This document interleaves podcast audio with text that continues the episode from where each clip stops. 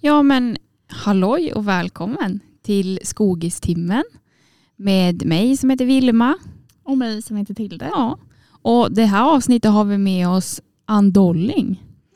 Hej Hej. och välkommen. Tack. Vi, är ju, vi tycker det här ska bli jättespännande för du är vår första gäst. Och det här blir också vårt första egentligen. Vi har spelat in ett litet introavsnitt men det här blir ju vårt liksom, första officiella avsnitt. Mm. Okej. Vi tycker att det ska bli jättekul att få ha med dig. Men jag tänker att du ska börja berätta om vem du är. Och... Ja, vem är jag? en numera pensionerad före detta universitetslektor Mm. egentligen. Eh, men om jag ska ber- berätta, säga lite mer så, så är jag, ja, jag är jägmästare i botten. Mm. Eh, gick ut 1988. Mm. Det är några år sedan. Det, är en, det är en stund sedan. Ja, jag cyklade hit idag så tänkte jag just det. Ja, hur länge jag jobbar på Skogis? För jag började på Skogis direkt. Så att 33 år hann jag med på Skogis då. Det är bra jobbat. Mm, det får man nog säga. Hur kommer det sig att du började plugga jägmästare? Ja, alltså jag, jag, inte, jag brukar berätta den där historien ibland. Kör på. Ja. Ja. Jo, så här var det. En, eh, alltså jag, jag har ju i- lite stökig just och hoppade av gymnasiet. Och sen började jag jobba istället. Och eh, jobbade med sjukvård, gick på folkhögskola, Mhm. sådana där saker. Och då, då så var, här, jag, är från Borås så hamnade jag då i Göteborg, gick på folkhögskola i Kungälv. Och när man kom, så var vi några stycken som ville bo tillsammans efter den där året på, på folkhögskolan. Och då fick jag ju veta det att man kunde jobba på färger på båt. Mm. Okej. Så att eh, jag sökte och fick jobb på, på de här England och Hollandsfärgerna. Och det var ju lite coolt sådär att åka fram och tillbaka och få betalt. Eh, när man åkte på havet. Men då träffar man ju de här riktiga sjömännen. Just det. Så, att då, så tänkte jag, ja jag ska bli en riktig sjöman. så det innebar liksom att då började, gick, gick jag på sjön på, på fraktbåtar. Och eh, jobbade i fem år. Träffade min man som jag fortfarande är gift med. Han var också då alltså sjöman. Eh, insåg att ja, ska jag nu leva mitt liv med honom? Är det kanske inte så enkelt att ha familj om båda två är på sjön? Alltså man är borta Nej. tre månader och hemma Mm. tre månader. Just Vi kan ju inte bara när den ena är hemma och den andra är borta, då träffas vi ju inte. Så att, och då tänkte jag, ja, men jag får nog, jag får nog liksom kanske bita det sura äpplet och börja studera. Eh, men visste inte vad jag skulle läsa. Nej. Nej, det var jättesvårt. Gick till en studievägledare och, tänkte, och sa det, ja, vet du, jag ska läsa lite litteraturhistoria och svenska på universitetet. Vad ska jag läsa in då på komvux? Och då sa hon, vad ska du använda det till? Ja, det vet jag inte. Men jag tänkte att det var enkelt. Eh, så så, så då, det som då hände, eller då hon sån här liksom tjatig människa. Så hon tjatade och sa, nej men du måste ha haft ett mål. Nej, jag har aldrig haft något mål. Nej. Ja men någonting måste du ha tyckt var roligt när du var liten. Nej, det har jag inte. Ja men några drömmar. Nej. Och hon, men hon gav sig inte va? Mm. Och så sa hon det och så sen tänkte jag, då hade jag läst Veckorevyn veckan innan. Oj, den tidningen. Ja den tidningen. Den är ju... Men de hade alltså ett, en artikel om att bli antingen skogsmaskinförare eller jägmästare. Jaha. Mhm. Och då fick jag läsa att man kunde få läsa botanik när man läste till jägmästare. Och man kunde ta jägarexamen. Så då sa jag, ja, ja klart, jag har ju funderat på att bli jägmästare. Du, det havspar ur det. Ja. Ja. Och då var det faktiskt så att, att så tänkte jag, ah, skitsamma, det ordnar sig sen. Eh, och då sa ja, då ska du läsa in naturvetenskapligt gymnasium. Så då började jag och så gjorde jag det. Helt enkelt. Så tänkte jag, jag hittar väl på något annat. Men när jag hade gjort det så hade jag fortfarande inte, för det, var ju, det är ju det som har varit mitt, min, det är ju jag ett nötskal på något vis. Jag har ju liksom aldrig haft några så här tydliga mål. Utan det, är som, Det har blivit som det, har blivit. blivit som det har blivit. Ja. Mm. Så att eh, helt enkelt, ja, jag sökte och kom in på jägmästeriet och på den vägen. på den vägen Det är en det. otroligt häftig historia, Ja. tycker jag. Så det, var en, det var en ren tillfällighet och en väldigt tjatig eh, Syv. Ja, syv. Och, och, ja, hade det stått om läkarutbildning kanske jag Ja, blivit läkare. det blev. Men eh, vilken grej att det stod i, i Veckorevyn om, om jägmästare och Ja. skogsförare. Ja, kul tyckte jag Ja. faktiskt. Mm. Verkligen. Men du, då har jag en fråga direkt som jag känner sådär. Hur, eh, hur många kvinnor var det som pluggade till jägmästare när du gjorde det? Ja, vi var ju inte så många. Eh, alltså jag kommer inte ihåg många procent. Vi var väl 60 på kursen och 10 var tjejer tror jag. Ja, Mm. just det. Så vi var några stycken i alla fall. Ja. Och hur upplevde du det? Alltså det var ju det. Jag hade, alltså det, det är också sånt där som är ganska intressant. För då hade jag varit på sjön i en väldigt manligt dominerad miljö. Mm. Där jag alltid var ensam kvinna. Men där jag aldrig upplevde att jag blev utsatt för någonting. Därför att alltså det var så, alla var så beroende av varandras arbetsuppgifter på något vis. Va? Så att, att liksom, och det var väldigt tydliga regler för allting. Så här, va? Så att där kände jag som jag bara, jag var en i, liksom, i gänget. Mm. Ja. Ja. Och, och, och trodde ju, tänkte att det är- kommer ju att vara piece of a cake. Alltså det är ju mycket mer tjejer på jägmästeriet. Mm. Men det var inte lika lätt. Nej. Mm. Utan helt plötsligt så började jag liksom se andra mönster och kände att, att här får jag inte riktigt samma utrymme. Och framförallt var det väldigt mycket utav lumparstämning. Va? Därför vi Mm. gick ju dessutom på internat första året. Okej. Först hade vi praktik dessutom en termin. Eh, och så sen, sen då så hade vi, gick vi på in, i Garpenberg ett helt år tillsammans. Då, va? Ja. Och det blev ju lite mer nästan, så mycket- de flesta, då, var det ju liksom obligatoriskt med, med militärtjänst för grabbarna. Mm. Mm. Så väldigt många kom ju direkt ifrån lumpen. Mm. Och så kom de då till, till, till jägmästarutbildningen. Så det var väldigt mycket liksom lumparstuk och sen så var det väldigt mycket av det här att jag var några år äldre. Jag ville åka hem och träffa min man. Ja, på helgerna och sådana här saker. Men det var inte riktigt självklart heller. Utan då skulle man ju vara en som skulle vara med. Man var en svikare om man inte var med och jobba för alla fester som jag egentligen inte var så intresserad av. Nej. Mm. Så att det, jag var lite nästan sådär chockskadad höll jag på att säga. Det, det var inte riktigt alls vad jag hade trott. Det var lite tufft Mm. faktiskt. Mm. Ja, det, det förstår jag. Det kan jag tänka mig. Men, men eh, ja. För jag tänker vi ska återkomma till liksom det här med jämställdhet Mm. och så inom skogssektorn. För att vi, vi, har ju, vi har ju träffat dig innan. Vi hade ju dig i höstas tillsammans Mm. med Elisabeth. Mm. Där vi just hade botanik och vi var ute i skogen och så. Och um, jag tror vi alla liksom fick ett, ett, ett väldigt, väldigt bra intryck av, av dig och också Elisabeth såklart. Men sen så var det så att du, du pensionerade dig. Inte, inte långt efter att du hade haft oss. Det kanske var, inte var ett sammanträffande. Nej, det berodde inte på er. Det Mm, berodde nej. mer på åldern. Ja, nej men eh, och jag och, och jag vet till det du också, vi, vi tyckte, för vi hade också ett föredrag med dig där du pratade om, ja, men lite om ditt arbete Ja. med, med jämställdhet Mm. och sådär och det var, det var jätteintressant och man ville veta mer och sen också veta mer om dig som person. Ehm, och därför är vi jätteglada att vi får ha dig här idag för man har gått och fundera Mm. väldigt länge. Mer på, på vem du är och sådär. Men och sen undrar jag också, vad, vad, gör, vad, tycker, vad tycker du om att göra på fritiden?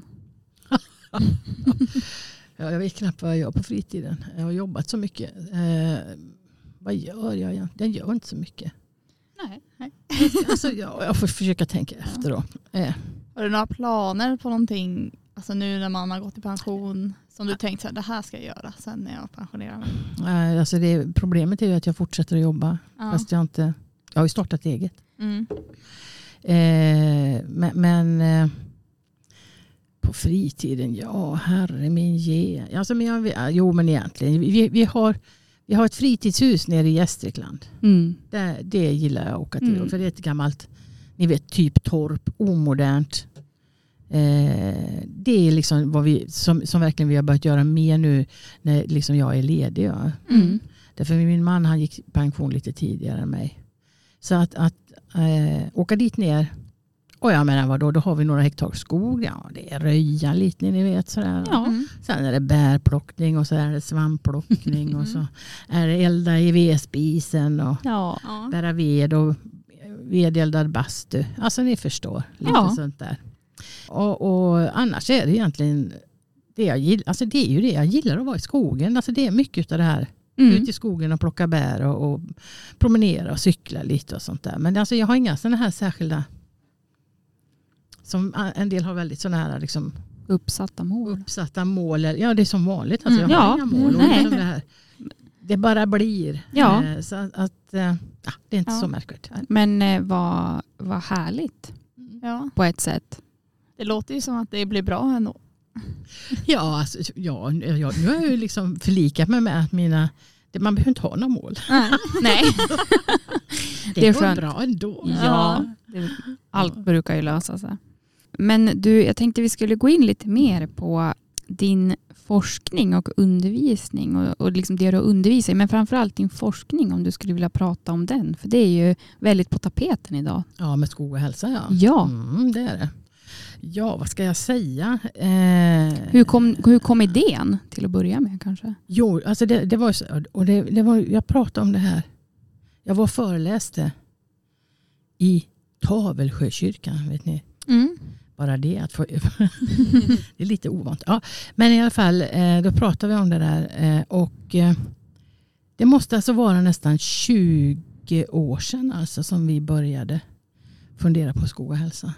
Mm. Och det var egentligen så att det var i Alnarp på SLU. Där har de ju då haft, eller hade startat re, rehabiliteringsträdgård. Okej. Och då var det en, en, en kollega till mig. Eh, vi jobbade med det som kallades för SLU Omvärld. Det finns inte längre men det är liksom lite utriktad verksamhet och sånt där på SLU. Och så sa han det till mig. Men Ann, ska inte du börja med skog och hälsa istället? Det måste vara mycket bättre att jobba med skogen. Den måste väl vara liksom den finns ju året om på ett annat sätt än kanske trädgården. Och så sen så och jag sa ja, men ja, ja, ja, men vi har provat väl då. och, då var och så pratade jag med, med en eh, annan kvinna på institutionen, Ylva Lundell. Eh, hon har gått bort. Ja. Ja. Men, men hon och jag, vi startade. Och det som var egentligen gjorde att vi verkligen kunde starta var att man på fakulteten hade bestämt att man skulle finansiera något som man kallade för temaforskning.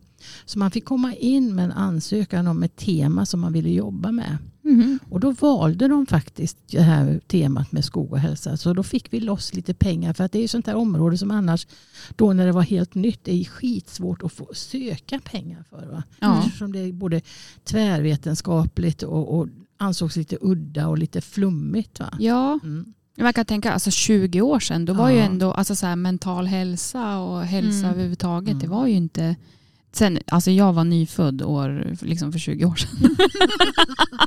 Men eh, eh, alltså, bara utifrån det man själv har märkt så hälsa känns ju mer på tapeten idag Ja, än någonsin. Väl- liksom. Väldigt mycket mer. Så att det var där det började. Och, och då var det just det att, att Ylva och jag vi kunde stå för den gröna miljön. Det var ju vår bakgrund, för hon var också jägis från början. Och båda jobbade vi då på skogens ekologi och skötsel. Och eh, då gick vi ner på, på universitetet och började prata med dem som, som jobbade med stresshantering och stressforskarna där nere. Mm. Så då hittade vi eh, framförallt en kvinna som heter Lisbeth eh, Slunga Järvholm, heter hon nu för tiden. Eh, som sa, jo men det där verkar kul. Och på den vägen är det. Och, och sen dess har vi, vi håller fortfarande på lite Mm. här och där med, med olika projekt faktiskt. Ja, Mm. fantastiskt. Så att det, det, vi har gjort, det vi gjorde var just det liksom att, att eh, Ylva och jag jobbade väldigt mycket med, med liksom själva miljöerna. Att fundera på vilka miljöer ska man använda, vilka är bra, hur ska de se ut, vad har de för kvaliteter och sådana saker.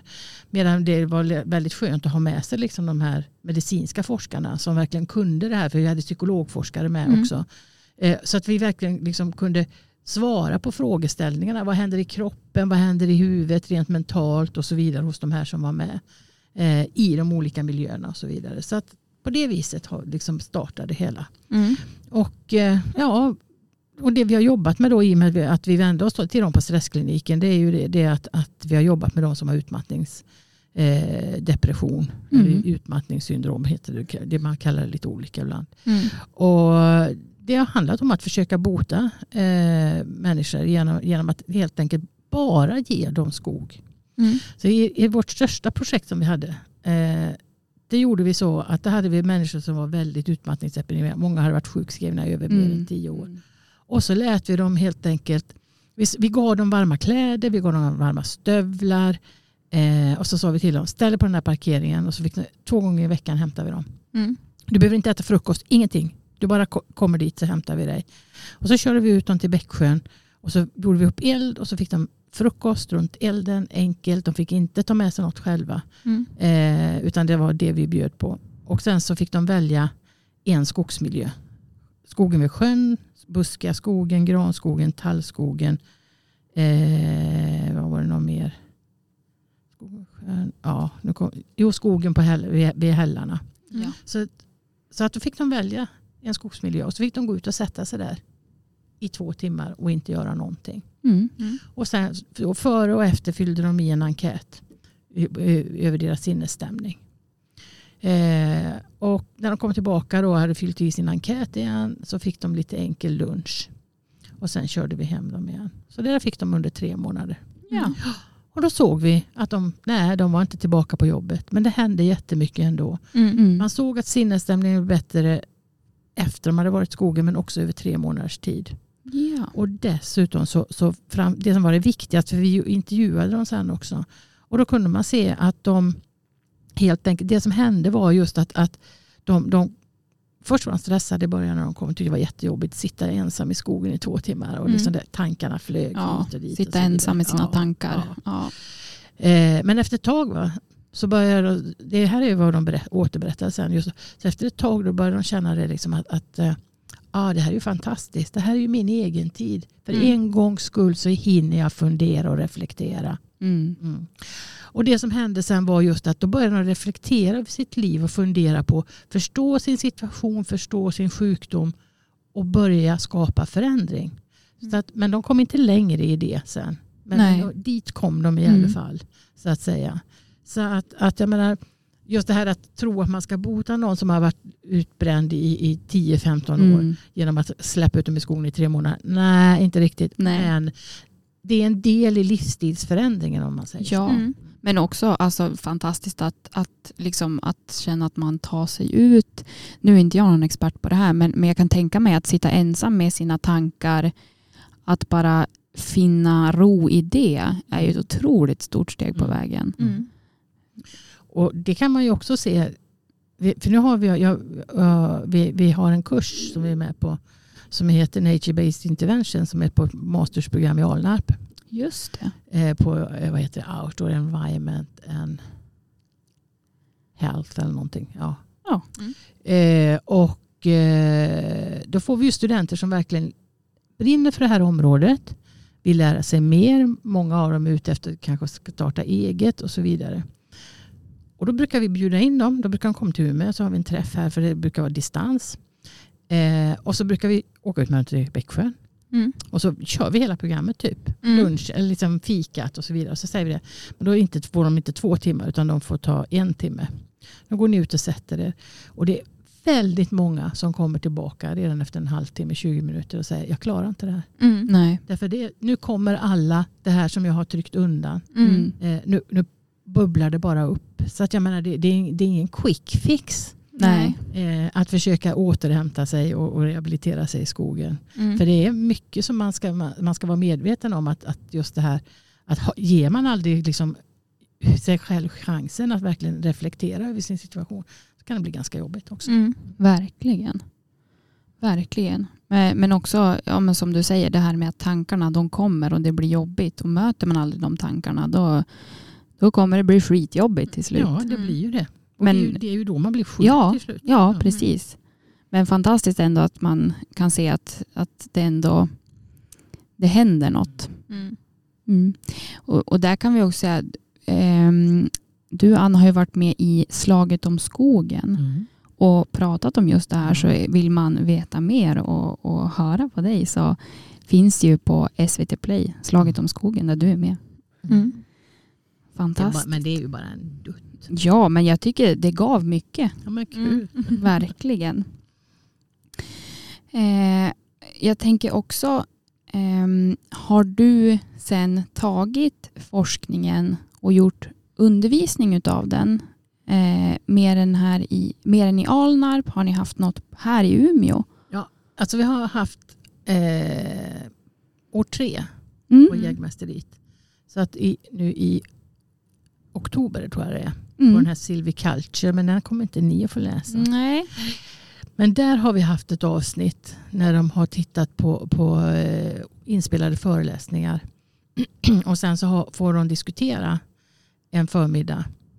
Eh, och så sen så diskuterar vi i stor grupp sen och, och liksom frågeställningarna och så vidare. Mm. Eh, och likadant så på den uh, Sustainable Management, eh, vad heter den mer då? Sustain, på år fyra tror jag. Sustainable Management in Boreal Forests heter den. Så heter den. Ja. Mm. Där eh, har vi haft också, ett, inte, inte, un, inte haft någon föreläsning, men däremot just också. Därför det är så här, i och med att vi har den här andra kursen som är i Alnarp, så har vi alltså spelat in en massa föreläsningar. Och framförallt just alltså, med de här andra forskarna så det är inte bara liksom vad, vad Ylva och jag som pratar va? utan även de här medicinska forskarna och psykologiska forskarna har liksom varit med. Mm. Så att då har vi de där filmerna. Så då får det så här, ni, titta på de här föreläsningarna. Eh, så får de göra det själva istället. Mm. Och så sen så har de fått en planeringsövning. Ja. Ja, så, och då ska de planera eh, för helt enkelt för, för, för hälsa. Mm. Men också ta hänsyn till biodiversitet och skogsproduktion. Så att då får man liksom ta kartan och så fundera på liksom hur man, hur man liksom kan planera och vad man ska tänka på. Var ska hur ska skogen se ut? Hur kan jag få ihop det här ihop om, om jag avverkar där? Behöver jag flytta på, gör en stig genom området, behöver jag flytta på stigen och sådana här saker. Mm. Så att då får de helt enkelt fundera på och så, och så framförallt så också skriva fram det, alltså över 50 år och fundera på hur, hur, vad händer i skogen då på de här 50 åren och hur vill jag då att den ska skötas. För att det ska, den ska ha både biodiversitet, hög biodiversitet, ge en viss ekonomisk avkastning och vara bra för hälsan. Mm. Ja. Så att det- det gör Perfekt. Mm. Mm. Där får man ju också in, jag menar, vi pratar ju mycket, speciellt första året, just ekonomiska, ekologiska och sociala värden. Att, Precis, att så det, det är så är- viktigt. ja. Liksom. Och det här är ju verkligen då liksom att verkligen planera för det. Mm. Mm. Ja, spännande.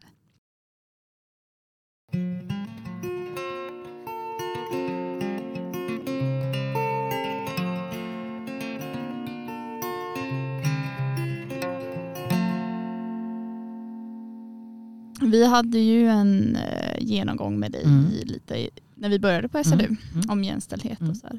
Så vi vill väl egentligen bara höra mer om hur, på vilket sätt har du arbetat med det och hur kanske din upplevelse har varit i förändring och Ja, under de senaste åren. Mm. Ja, alltså vi kan ju börja med då just att, att eh, ja, det, det- är inte riktigt 20 år sedan men, men kanske typ 15 år sedan. Något sånt där. Det bara, åren bara går. eh, så, så började det med att Gun Lidestav och jag sökte ett projekt och fick pengar. Och då så städslade vi en kvinna från Umeå universitet, från Peddan eh, som var duktig på det här med, med, med jämställdhet och eh, som projektledare. Och det handlade igen, I grunden så skulle pro, projektet handlade om det här med könsbundna val till universitetsutbildning. Mm. Eh, och det handlade alltså om hur vi skulle kunna få fler kvinnor att söka till vårat, eh, våra skogliga program, både jäg och eh, vad heter det, skogsmästarprogrammet. Och, eh, eh, men det som var roligt i det projektet det var liksom att, att Kim då, som jobbar med den sa, för hon forskade nämligen om jämställdhet, så här, Ja men alltså förstår ni, det här går ju inte. Man kan ju inte jobba med liksom könsbundna val och plocka in en massa kvinnor på skogen som inte jobbar med verksamheten i sig. Och det är här, nej det har du ju väldigt rätt i. Ja. Då kanske vi får förändra hur det är på skogis. Och då är det liksom, vi kan ju inte bara förändra våra studenter utan vi måste förändra våra lärare. Vi måste förändra framförallt de som styr. Så Mm. att egentligen så började vi där och så sa vi det. Nej men alltså, vi måste ha liksom ett ledningsstyrt förändringsarbete. Mm. Eh, och, och, eh, så att vi jobbade med det här projektet ganska mycket. Mm. Eh, och, och det finns någon sån här rapport om det här. Eller om, har ni sett? Det finns en bok som heter Den öppna skogen. Nej, det har vi inte. Nej, men den ska ni läsa. Ja. Den öppna skogen. Den öppna skogen. Jag tror att det är Elias som nu är ansvarig för lika villkor på fakulteten. Ja. Elias Andersson som står som redaktör. Okej. Kan vara Gun också. Mm. Ja. mm. Men den, där bland annat, där, där eh, har vi berättat om det här projektet. Eh, det är ett avsnitt i den boken. Och det, Mm. Men där är det handlar det också just om en massa andra skogliga, eh, skogliga jämställdhetsprojekt och så vidare. Så rekommenderas. Mm, ja. Ja, bra. Och, eh, men i alla fall. Så då jobb, började vi jobba mer och mer ledningsstyrt. Eh, men sen då så, så blev, var det så att eh, eh, vad var det? Ja, vad sex, sex år sedan. Så då, och då har jag varit med någonstans hela tiden egentligen och, och liksom försökt att, att förändra så mycket som möjligt. Men inte kanske haft den makten. För det är ju, Mm. alltså det, är ju det här som jag, kan- jag kanske pratar mer om första gången. Mm. Att väldigt mycket handlar om var makten sitter. Va? Ja. Och sådana här saker. ja, precis. Så att då så var det för innan jag nu gick, sex år innan jag gick i pension i våras. Då blev jag, blev jag vice dekan för med ansvar för lika villkor Ja, på fakulteten. precis. Och där, där eh, sen, då, var det ju liksom, då, hade, då hade jag ju makten. ja, Då var det lättare att jobba. Mm. Eh, så då, vi jobbat och så anställt det som vi har, liksom, och det här, egentligen så var det en del av det här projektet också. Det var just det att vi insåg det att för att kunna få no, någonting att hända på den här fakulteten så måste vi ha en handläggare. Vi kan inte liksom bara tro att det här ska hända inne i av sig själv någonstans. Vi Mm. behöver någon som faktiskt har också fokus på att jobba mer ja, man ska säga administrativt med det hela. Så vi anställde då på halvtid en, en lika villkorshandläggare. Och det var vi först med på SLU. Mm. Nu har vi det på alla fyra fakulteterna. Mm. Vad bra. Eh, ja. Och, och liksom, att ha en handläggare som jobbar på halvtid så och vara vice dekan eh, för, för de här frågorna. Det har varit guld värt. Liksom, för att då har vi kunnat jobba liksom, ganska, ganska strategiskt. Liksom, att just att, att jobba med, jag, jag gjorde lika villkorskurs för som vi då, liksom, då jobbar vi fram den. Liksom, Tina som är lika villkorshandläggare. Och hon har ju liksom genus, en masters i genusutbildning. Va? Hon Mm. kan ju verkligen det här. För det, jag menar, det är som, jag, är ju inte, jag har ju ingen liksom, akademisk bakgrund som, som, som med jämställdhet egentligen. Nej. Jag har ju som lärt mig på vägen Ja. genom att jobba med det under många år. Men det vi då gjorde det var ju det att, då kunde vi jobba fram en kurs. Sen kunde jag liksom då driva igenom det som, som liksom olika beslut i fakultetsnämnden helt enkelt. Så att då bestämde vi det. Ja, alla på ledningsnivå på fakulteten ska gå vår lika villkorskurs. Mm. Mm. Hela fakultetsnämnden skulle gå. Eh, alla prefekterna skulle gå och så Mm. vidare. Och det har, vi håller ju på fortfarande. Ja. Alltså det är så att det, det, det står samma sak och vi har sam, fortfarande samma beslut. ja. För att, och det är, ju det, som, där bör, det är ju där man får börja någonstans. Därför att, få, det, därför att det är så här att, att vad man än säger så är det liksom det är ju det här, det, det är ju så bekvämt att vara i sin norm. Mm. Ja, där verkligen. man är. Va? Det är ju så Ja. bekvämt och skönt. Och det är så knöligt när någon kommer och säger att nej men så där kan du inte göra och så där kan du inte tänka. Så därför är det inte så lätt att säga till folk nu behöver du lära dig det här. Mm. Utan ibland så behövs det liksom, det här är faktiskt en del i dina arbetsuppgifter som det krävs att du ska göra för att ha den här positionen på det här universitetet. Ja. Mm. Nej, men ibland är det ju det som, som Ja. gäller. Ja. Så att, det, liksom om vi säger så, det, ungefär så har vi ju jobbat. Liksom började där och så sen så har vi då fortsatt att jobba med, med försöka ha, ha kurser och utbildningar och liksom för lärarna. För det, och, och sen då liksom just det här som när jag kom och pratade med er första dagen. Att vi liksom verkligen jobbar med och se till liksom att försöka ändra normerna i början på utbildningen. Mm. Att, att dessutom jobba väldigt mycket med kåren. Mm. För att jag tror det som är så, när det gäller er- för er som studenter, va? så jag tror jag det är otroligt viktigt det här att man precis när man börjar, för alltså man är så, man är så jag minns ju själv, jag var ändå ett par år äldre, va? man är ju så skyddslös egentligen när man kommer på universitetet. Livrädd. Och livrädd. Ja, precis. alltså, jag var livrädd. Ja. Jag var livrädd. Och det, man vill ju så gärna passa in. Va? Och är det då fel människor som tar så att säga kommandot i början Mm. och sen driver liksom sin linje. Så hamnar man ju där. Jag vet inte om jag sa det till er då. Men alltså, det var ju som när då, då började vi då och gick ett år där nere i Garpenberg. När jag flyttade till Umeå. Eh, och kom liksom lite längre ifrån och hade egen lägenhet och bodde ihop med min man igen. Mm. Mm. Då var det så, här, så tänk, tittade jag och så, så och tänkte, jag, jaha, och där har jag en skogisväst och där har jag två gevär. Och vad ska jag med dem till? Alltså förstår Mm. du? Ja. jag tänkte aldrig, det var inte någon, utan det var som, man, jag, precis som alla andra så vill jag vara med. Va? Så gör Ja. man bara en massa saker Mm. utan att reflektera. Mm. Och det är det här som är så jätteviktigt. Att liksom jag får, att få kåren att förstå hur viktiga de är. För de sätter också väldigt mycket av normen Mm. och för väldigt mycket av traditionen vidare Ja, till de andra årskurserna. Va? Så att därför så tror jag är det en av de viktigaste sakerna för att skapa en förändring. Mm. Det är just det här att jobba med, med, alltså med, med studentgruppen och få liksom studenterna att förstå och kåren att förstå. Den gruppen ni själva som sätter normen. Va? Mm. Och, och, att, att och prata om just det här, liksom att, att det är så, får man en schysst norm från början, då sitter den kvar oftast sen. Mm. Ja. Faktiskt. ja, men så är det ju. Så att det arbetet tycker jag har varit jätteviktigt. Mm. faktiskt. Känns som ett väldigt stort arbete. Alltså ändra hela Ja men, men, det, strukturen i hela... ja men det är ju det man måste, det var ju det Ja. som Kim sa. Det var, det var ju det hon sa. Ja. Eh, Ja visst, ja, men visst är det stort. Men, Mm. men liksom, det, är ju, det är ju ett ständigt pågående arbete. Man kan ju som aldrig släppa. Va? Det blir ju Nej. aldrig klart. Mm. Men, men, men det viktiga är någonstans liksom att, att man fortsätter. Och framförallt, och det lärde också Kim mig någonstans. Det här, att det som är det, just det här liksom att det är som droppen som urholkar stenen och så framförallt så ska man inte lägga, när det inte funkar, va, så ska man inte lägga det på sig själv utan bara Mm. inse det. Ja det här är stort, det här tar tid. Mm. Mm. Och, det Mm. handlar, och just det här, det handlar om normer. Mm. Och det är jobbigt att ta sig ur sina gamla normer. Så att, att, eh, och när, när, man, när man landar här någonstans, va, då är det mycket lättare att jobba med det. Då, då, man, jag menar från början, jag upplever att ganska många kan bli jävligt arga på liksom att det är ojämställt och liksom att man blir rent skitförbannad. Alltså. Mm. Och det kunde jag också bli förut. Men nu liksom det, det viktiga är om man själv har sett och förstår mönstren. Va? Mm.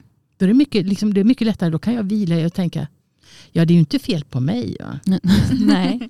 Utan det här är ju ett mönster som Ja. återkommer gång efter gång. Och egentligen så är det inte fel på han eller hon där heller. Nej. Utan det är bara det att de har svårt att se att de, att de, är, att de står för en ganska osund norm.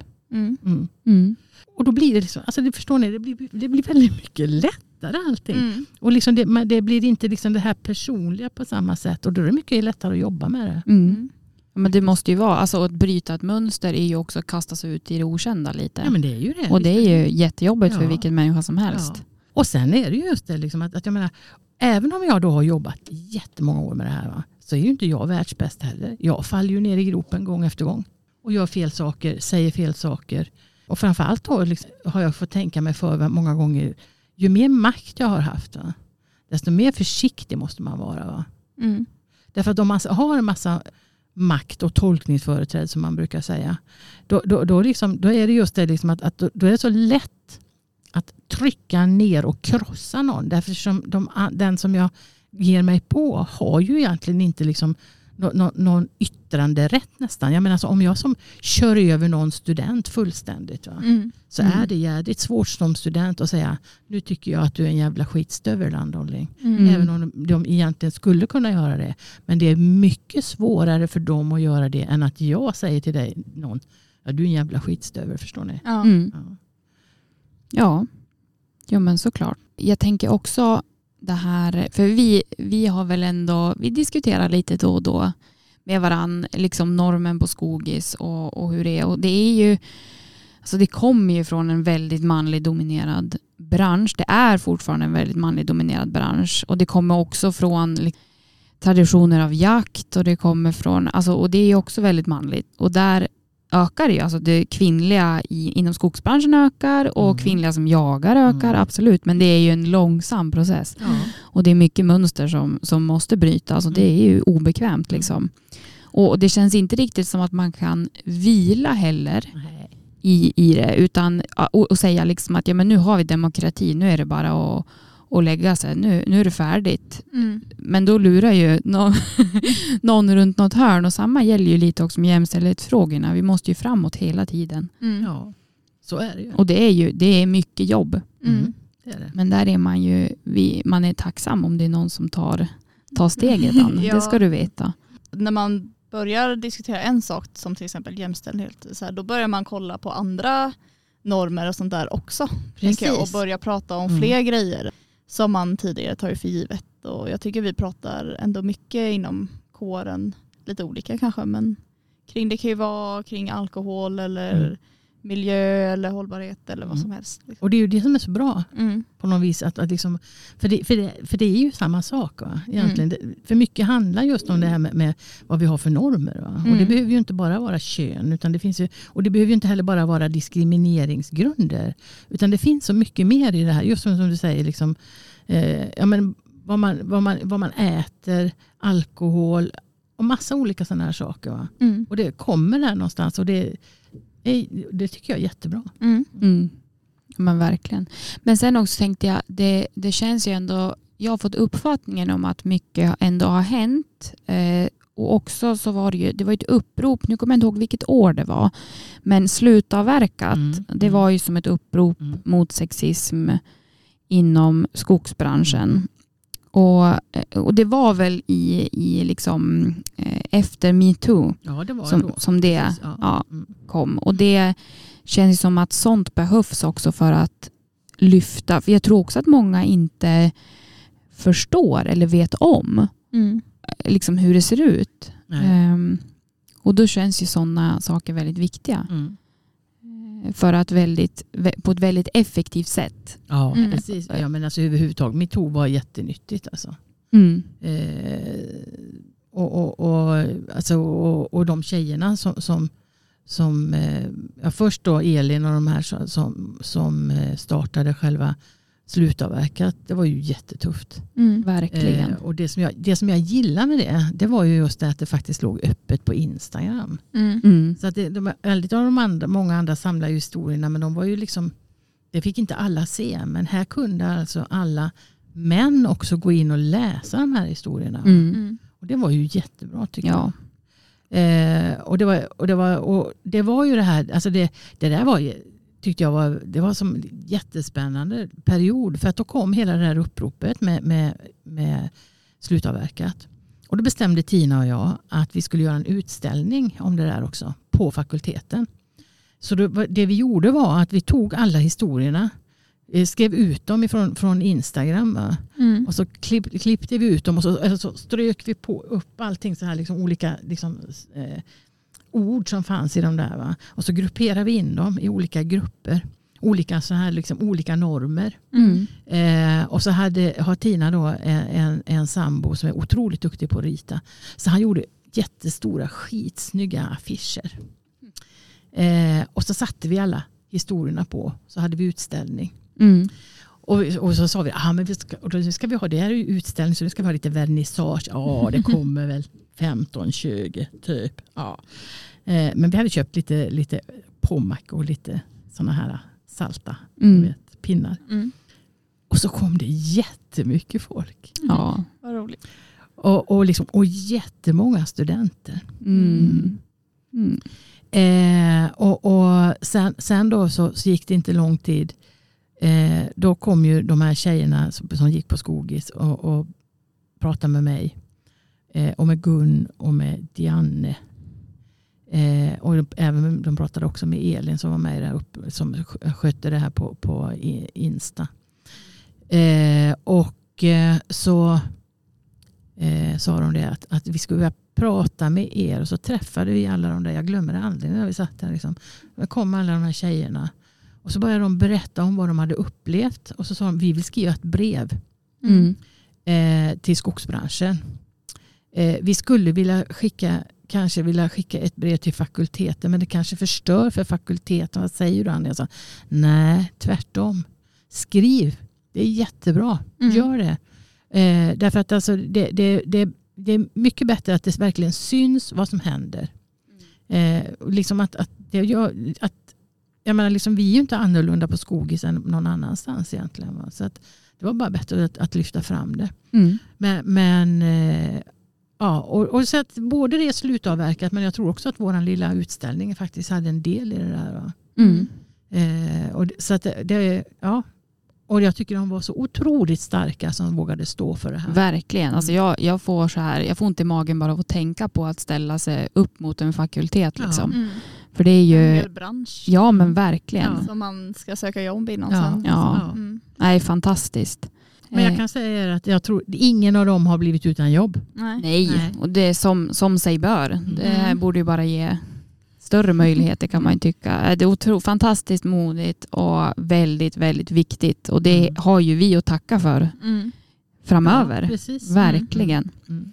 Och Ja. för, för alltså, det ska jag säga.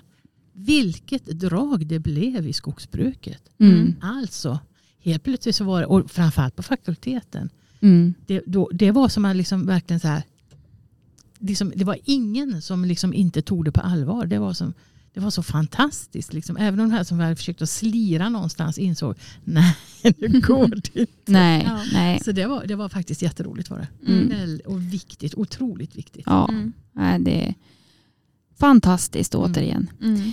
Eh, ja, så här avslutningsvis så tänkte väl vi, jag tänkte vi skulle fråga, vad tror du, hur tror du framtiden i, i skogen kommer se ut nu närmsta, jag ska säga 50 åren för att det inte ska bli så, så himla stort. Men hur, vad tror du, hur tror du framtiden kommer se ut nu?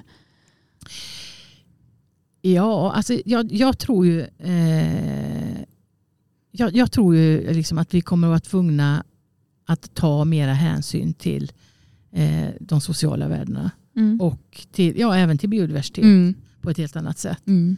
Eh, jag, jag, liksom, jag, tror, jag tror inte på det här att, att sluta avverka helt och hållet eller, eller liksom sluta med skogsbruk. Va? Men no- nog måste vi ha en förändring. Mm. Eh, så, sånt, för, för det är just det här liksom att det är sånt. Ja, det, alltså på något vis så har, upplever jag liksom att, att vi inom vi i skogsbruket här liksom, har ju varit en ganska liten liksom, grupp som har varit ganska trygga i sin bubbla. Va? Ja. Mm. Eh, och, och liksom, nu är de ju där och verkligen, nu har de liksom, om ni tänker, de har verkligen krafsat hål på den här, här ras, ras, liksom så här, så här. Ja. Ah, vad är det som händer? Det är Ja. ju lite så. Mm. Mm. Och jag tror att, och så att nu är alla, många så här, ah.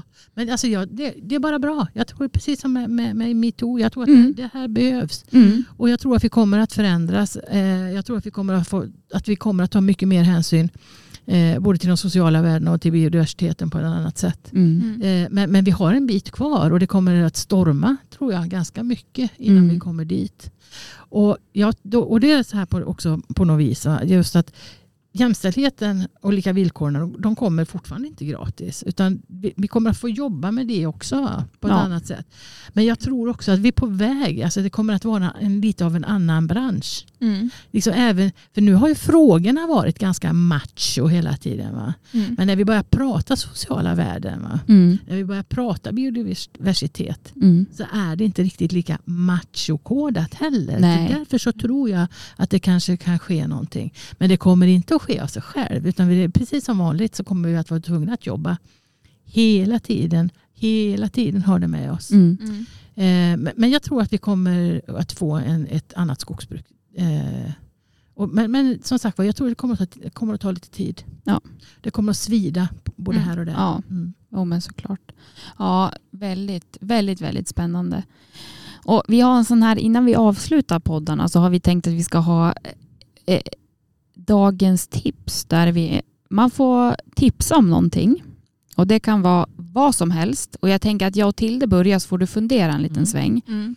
Men, och, och det kan vara allt ifrån, det behöver inte ha med skog att göra egentligen, utan något tips som du tycker har varit jäkligt, som du tycker att andra ska ta till sig av. Jag kan, jag kan börja, jag har läst Där kräftorna sjunger av en författare som heter Delia Owens. Och hon är från början, eller hon är eh, biolog. Och har forskat inom biologi hela sitt liv och har nu börjat skriva romaner istället. Så hon har ju då skrivit en bok som heter Där kräftorna sjunger. Och den, den var fantastisk. För hon, hon sätter verkligen finger på det här med att det, dels det natursköna men hon pratar också mycket om det här att uppskatta naturen och att försöka leva med den på ett sätt som jag tyckte var väldigt fint. Och den har också kommit på bio nu. Så är det så att man inte vill läsa så tycker jag i alla fall man kan se filmen. Men jag skulle absolut rekommendera att läsa boken. Så det, det är mitt tips för, för det här avsnittet. Tilde, du- vad säger du? Har du hunnit kolla på filmen? Jag har hunnit kolla på filmen. Ja. Och ja, filmen var absolut inte lika bra som boken men Nej. den var fortfarande väldigt bra. Ja. okej. Eh, ja, jag fortsätter på mitt hösttema. Jag tipsar om eh, pumpa. Ja! Man ska köpa en pumpa och göra en riktigt god pumpagryta eller pumpasoppa. ja. Det är alltså verkligen underskattat tycker jag. Vi äter inte pumpa jätteofta Nej. men eh, jag har börjat köpa pumpa nu varje höst och kanske är, jag, jag saknar ju lite att åka på skördefesten på Öland. Jag är ju från Småland. Så då de har jag en miniversion här. Jättemysigt. Köper en, en pumpa. Tror du får lägga ut ditt recept på pumpasoppan, Ja. grytan på Ja, Instagram. Jag gjorde en jättegod gryta för någon vecka sedan. Så Ja. det kan jag. Mm. Det blir bra det. Bra. Mm. Ja, då ska Ann Dolling komma med ett tips. Ja, men jag, jag tror jag, jag har egentligen två, men jag Mm. börjar. Eh, mitt tips är självklart egentligen. Det är det. När det börjar bli för mycket, ta liggunderlaget, renskinnet, ta de varma kläderna. Åk en bit så det inte är för mycket stadsljud. Lägg dig i en backe. Titta på vad du ser omkring dig. Lyssna på vad du hör. Känn hur vinden liksom känns på huden. Eh, smaka på om det finns något gammalt lingon kvar någonstans. Eh, och var där så länge du orkar. Mm. För att ladda batterierna. Mm. Mitt andra tips. Ja. Mm. Eftersom du pratar bok här. Ja. Ja. Mm. Så jag kan ju inte låta bli. Eh, Lisa Röstlund. Ja. Skogsland. Mm. Mm. Eh, jag sympatiserar inte med allt hon säger men hon skriver väldigt många bra saker. Mm. Och framförallt eh, det är lite roligt när hon krafsar. Ja, det är ju det alla. Ja. ja, jag håller på. Jag har kanske 20 sidor kvar eller Mm. något sånt där. Så Mm. jag håller på att läsa den med. Ja, Jag, ja. ja. jag rekommenderar också. Jag har precis, eh, jag har nyss läst ut den och vi Mm. är två gamla, alltså vi är tre stycken som läste samtidigt. Eh, en av dem, hon, hon som vi inte, vi, vi andra två träffas ganska ofta, men den tredje, alltså hon bara hörde av sig och sa Alltså vi måste träffas. Ja. Läs boken så träffas vi. Vi måste prata. Ja, ja men och vi, vi har ju samma känsla. Ja. För det är ju, nu är det många av oss som har köpt eller lånat boken och sitter Mm. och läser. Och det är, eh, ja, det, Ja. det blir spännande. Ja. Men det är väl det jag tänker som är så himla bra. Att man bara känner att vi, vi måste prata om det här. ja, precis. Mm.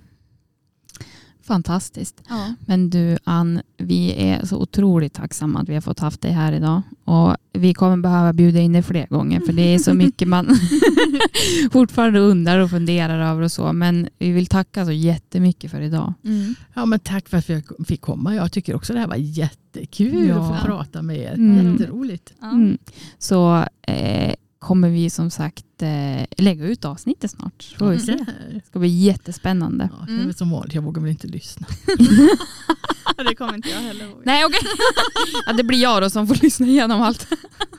ja det blir bra det. Tack så jättemycket och så får ni lyssnare ha det så himla bra. Hej då. Hej då! Hej då!